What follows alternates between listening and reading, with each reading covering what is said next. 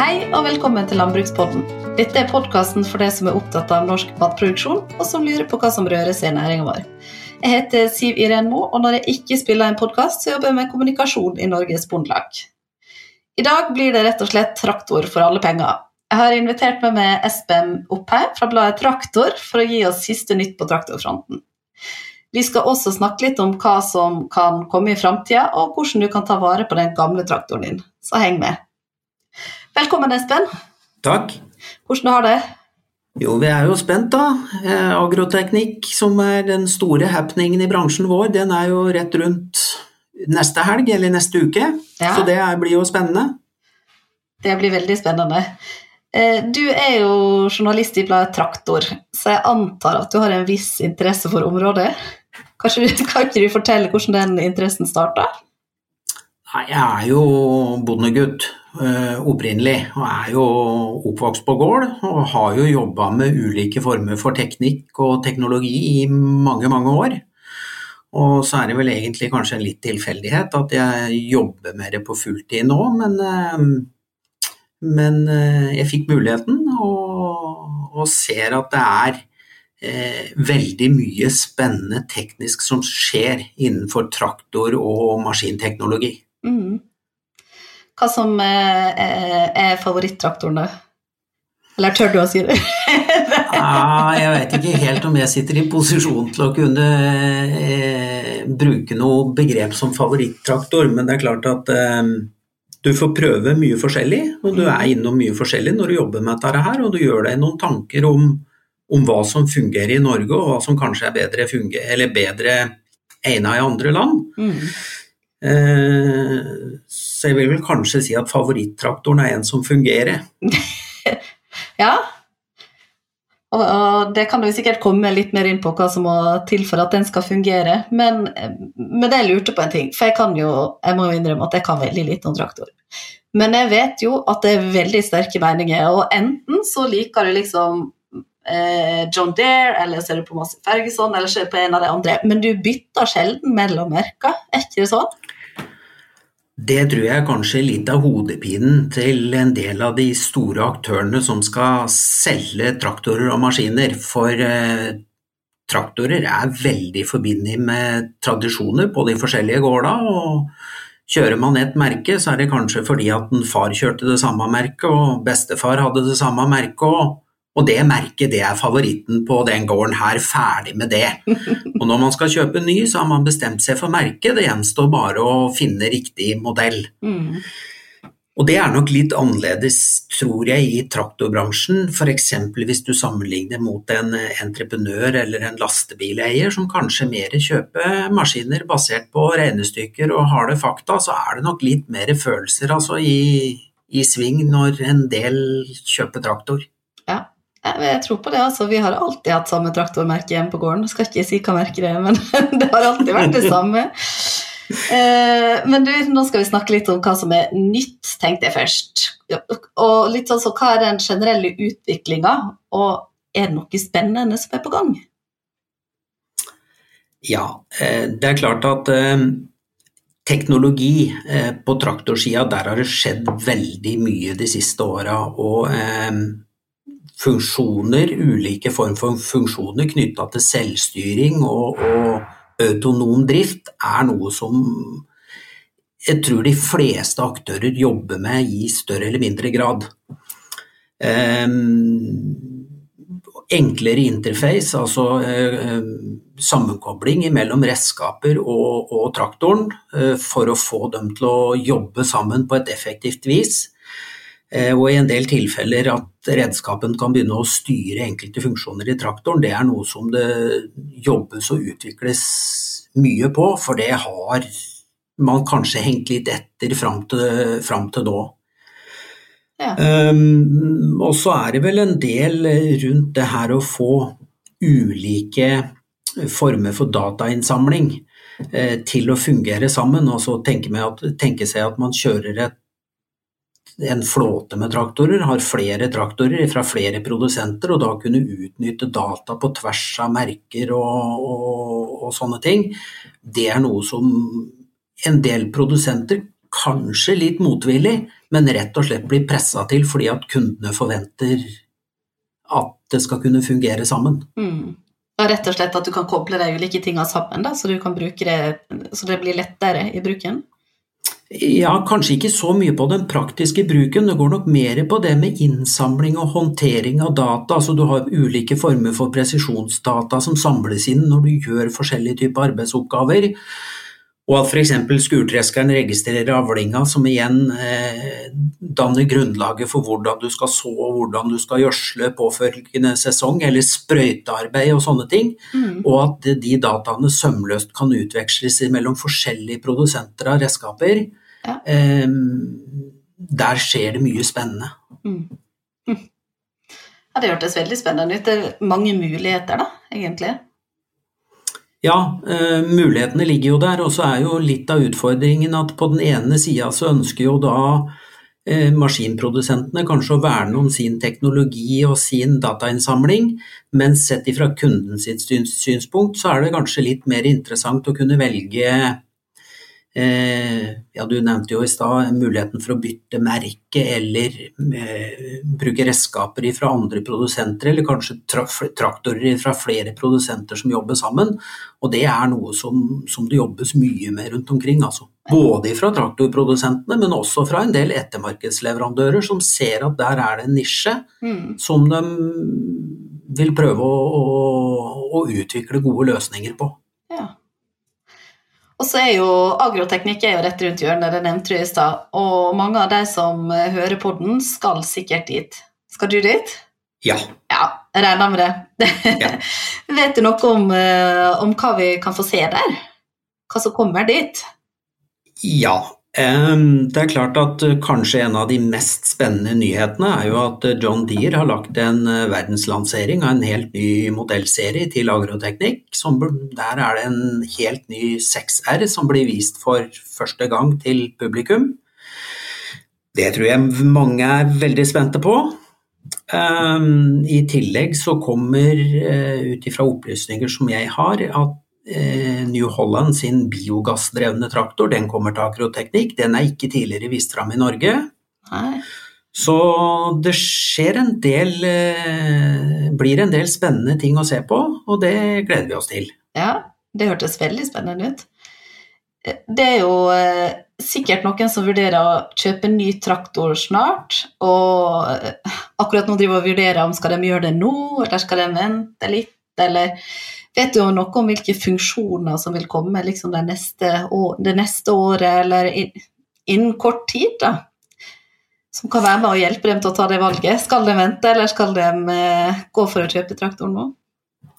Nei, jeg tror vel, basert på det vi vet, eh, er at eh, veldig mye av den teknologiske utviklinga som skjer nå, det er videreutvikling av det man har. At vi står overfor noen store kvantesprang på teknologi i løpet av nær framtid, det, det, er det litt vanskelig å se, egentlig. Eh, det er klart at den store endringa vil komme eh, den dagen traktoren kanskje blir helt selvkjørende, men det ligger nok lenger inne i framtida enn mange skulle ønske seg. Eh, vi har jo en del selskaper også i Norge som jobber med utvikling av selvkjørende Kall det roboter eller traktorbasert utstyr. Men jeg tror nok at det ligger litt lenger inn i framtida enn bare et år eller to. Ja, ja så det, Men det blir spennende å se. Ja. Så da kan man trygt kjøpe traktor nå, sannsynligvis? Ja, jeg tror nok det. Og det er klart at uh, veldig mange traktorprodusenter er flinke til å når de f.eks. lanserer nye software-versjoner eller programvareoppdateringer, så blir det også tilgjengelig på en traktor som ble levert for et år eller to eller tre siden. Så det, noen store endringer vil ikke være på det, sånn som jeg kan se det nå i dag, i hvert fall. Nei. Eh, du har jo litt sånn inside info om forskjellige ting, får jeg inntrykk av i hvert fall. Du har ikke noen hemmeligheter du kan dele med oss om hva som kommer til å komme? Nei, noe sånne Det ligger kanskje litt i sakens natur at eh, hemmeligheter er ofte hemmelige, men det, men det kanskje mange ikke er klar over, det er at eh, maskinprodusentene ser ofte til Norge eh, i større grad enn man skulle tro, tatt i betraktning hvor lite land vi er. Ja. Og det vi ser, det er at eh, norske traktorkjøpere og norske traktorbrukere de er veldig teknologisultne. Som gjør at uh, mye av den mest avanserte teknologien og mest avanserte teknikken, den blir i størst mulig Eller den blir først tatt i bruk i Norge. ja. Og der ser vi jo at uh, ja, Bare for å ta et eksempel, i Norge ble det vel solgt om lag 2500 traktorer i fjor. Og i India så ble det solgt over 800 000. ja. Men allikevel så kjenner eh, traktorprodusentene ute i verden veldig godt til det norske traktormarkedet og er veldig spent på hva som rører seg her. Eh, rett og slett for at funksjoner som i liten grad etterspørres andre steder, den, de funksjonene vil vi ha i Norge. Og det, det kan dreie seg om trinnløse transmisjoner, det dreier seg om selvstyring, eh, det dreier seg om eh, håper å si komfort, eh, betjeningskomfort. Um, så Norge hevder seg håper å si, godt i traktorverdenen, til tross for at vi ikke produserer noe særlig sånt i Norge. Mm. Det må jo si litt om den norske bonden, det der. Ja, i aller høyeste grad. Og det er klart at eh, insentivet for en norsk bonde eller maskinentreprenør til å spare 30 arbeidstid, eh, den er mye høyere fordi at kostnadsnivået både til bonden selv og ikke minst hvis en har noen ansatte, er helt et annet i Norge enn i mange andre land. Og det er klart at eh, kan man da få løsninger som gjør at du blir mer produktiv og mer effektiv, så, så er det lønnsomme løsninger som vi gjerne vil ta i bruk. Ja. Hvordan tror du at uh, framtidstraktoren blir, da? Hvis du skal prøve å spå inn i 50 år inn i framtida? en kvalifisert gjetning? Hva tror du? Nei, jeg tror nok at eh, selvkjøring, det kommer. Og vi har jo et par ganske flinke norske aktører som kanskje ramler litt under radaren for en del traktorbrukere. Eh, Vi har et firma oppe i Trøndelag som heter Autoagri, som utvikler en del selvkjørende Jobber med utvikling av selvkjørende traktorer, eller redskapsbærere. Um, I tillegg så har vi et selskap på uh, Kongsberg som heter Yeti Move, som jobber med teknologi der en vanlig konvensjonell traktor gjøres om til en helt selvkjørende traktor. Ja. Og det viser litt at uh, den type teknologi den er en del aktører som tror på. Og 50 år inn i framtida så er den helt garantert her. Jeg, hvis jeg skal tippe, så tror jeg vi har kommet veldig langt på kanskje fem til ti år. Ja. Um, det andre store spørsmålet er jo hvordan framdrifta på traktoren vil, vil eh, fungere. Eh, Så langt så har jo dieselmotoren vært ganske standhaftig i, i de fleste traktorsegmenter, eller fleste traktorstørrelser, men der òg kommer det nok endringer. Og vi ser at en del eh, eh, leverandører jobber hardt for å knekke den gode koden på hvordan vi skal få en traktor til å fungere. Kanskje vil det være batterier, kanskje vil det være gassløsninger, og kanskje er ikke den løsningen funnet opp ennå, men dieselmotoren den vil nok ha en mindre betydning om 50 år enn den har i dag, det er jeg helt sikker på. Mm. Ja, det er jeg helt sikker på. Hvilke alternativer er det som finnes i dag, da? I dag så er jo eh, det mest nærliggende er jo biodiesel. Altså da bruker man en eksisterende, egentlig en helt konvensjonell dieseldrevet traktor, og så fyller du biodiesel, gjerne en HVO eller tilsvarende kvalitet, og så fungerer det egentlig på akkurat samme måten som i dag. New Holland, som jeg var litt inne på, de har jo jobba med sin biogasstraktor i mange år.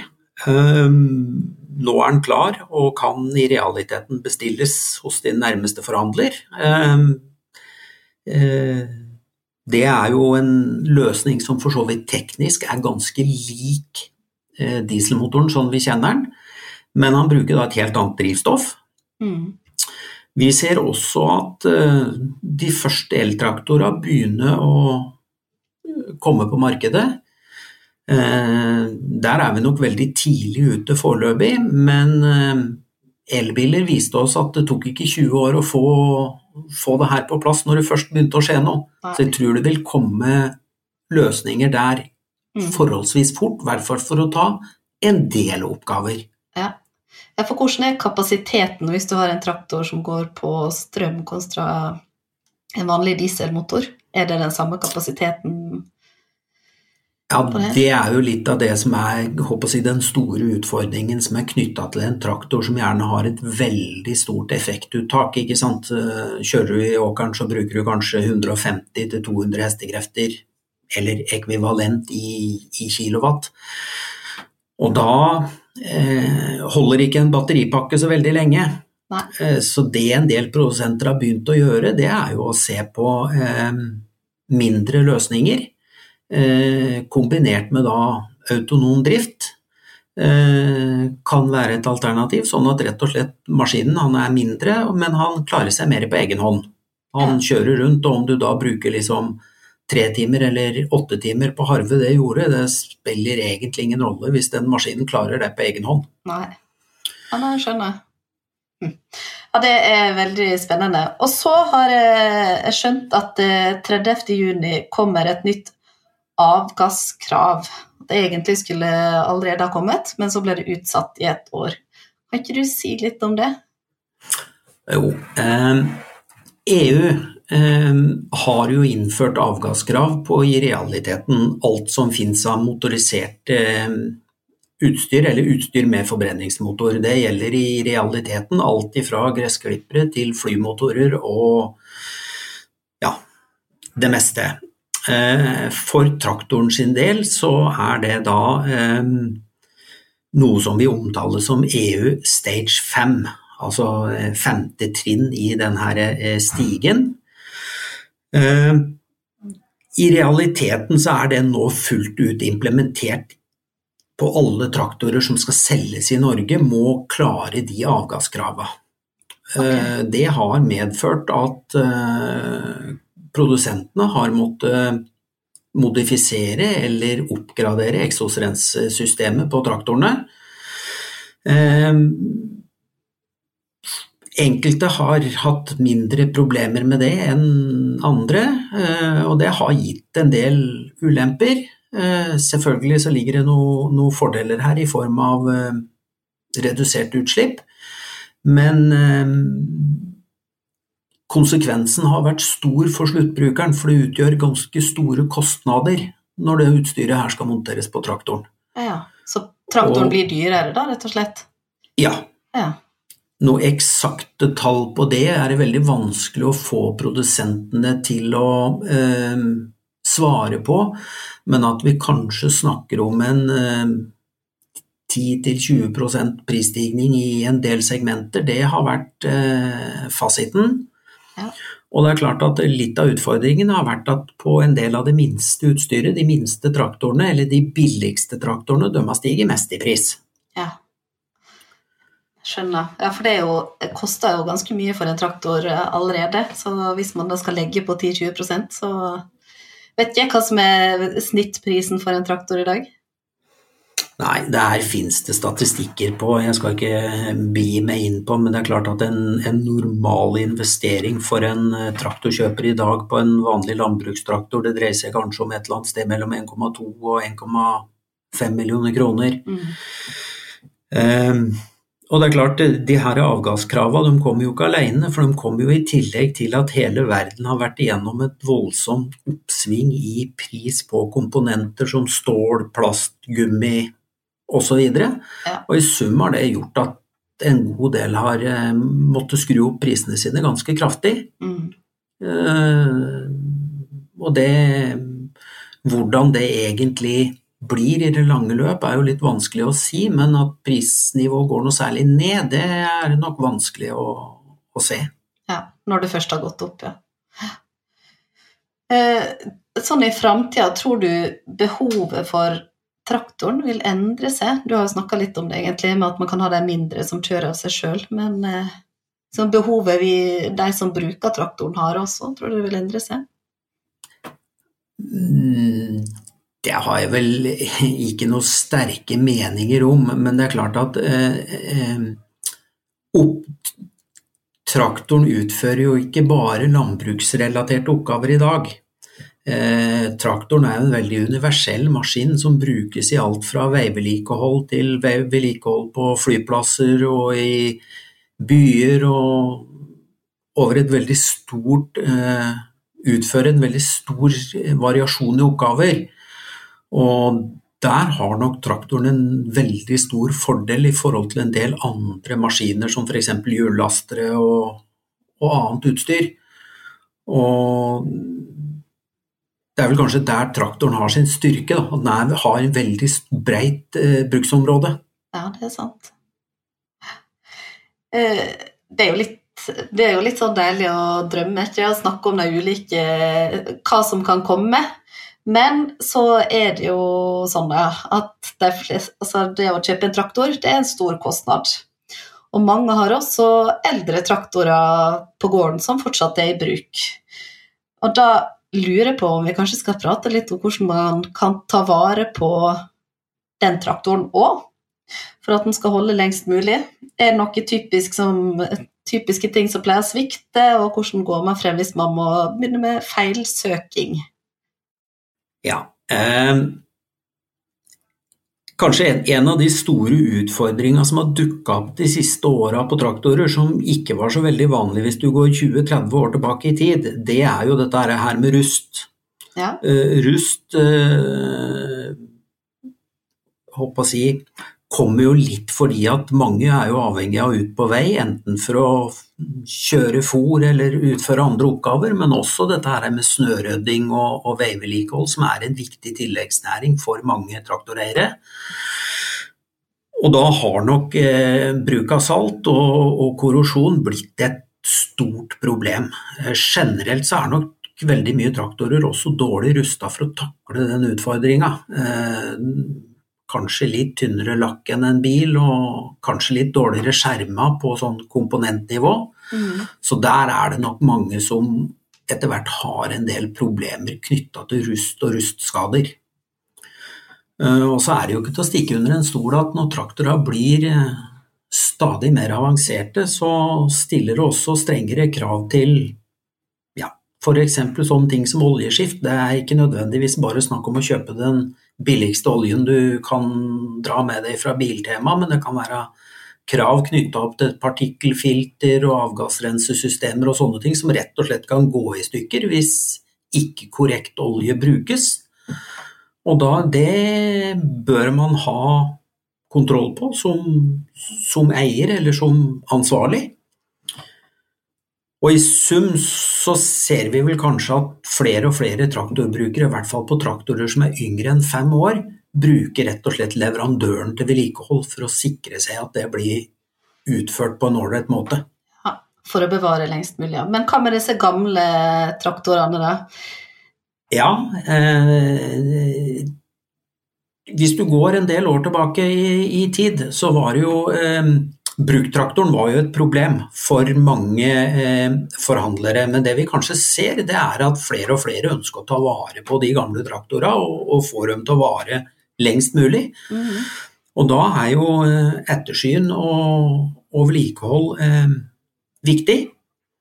Og generelt, så hvis man ser på sånne mellomgamle traktorer som kanskje er 20-25 år gamle, så er det jo det her med oljeskift og, og ganske enkelt basic vedlikehold som det er viktig å ha litt kontroll på. Ja. Um, og i praksis så ser vel kanskje vi at uh, dette er noe som egentlig alle kan få til hvis de har interesse av det. Det finnes mange gode leverandører som er spesialister på ettermarkedet, som kan levere det man trenger av utstyr og olje og filter og verkstedhåndbøker og hva, måtte, hva, man måtte ønske seg. Så det er vel ofte tida som er den begrensende faktoren for en del. At de ser at de vil ikke ta seg tid til å utføre dette her sjøl, og vil heller da sette det bort til et uavhengig verksted eller mm. en aktør som kan, som kan håndtere det. Ja, for det, det, er jo både en del som skrur litt sjøl, og som eh, og, og liksom prøve litt sjøl før de drar da til en eh, mekaniker og kan få hjelp. Ja, og det er jo etter hvert en, blitt en eh, litt sånn greie at det, det, er en god del entusiaster som håper å si, holder liv i mye eh, gamle traktorer. Og som har det som en mellomting mellom at de kanskje skaffer seg et litt lavere kostnadsnivå, men også har det som en hobby litt i tillegg, og holder liv i det.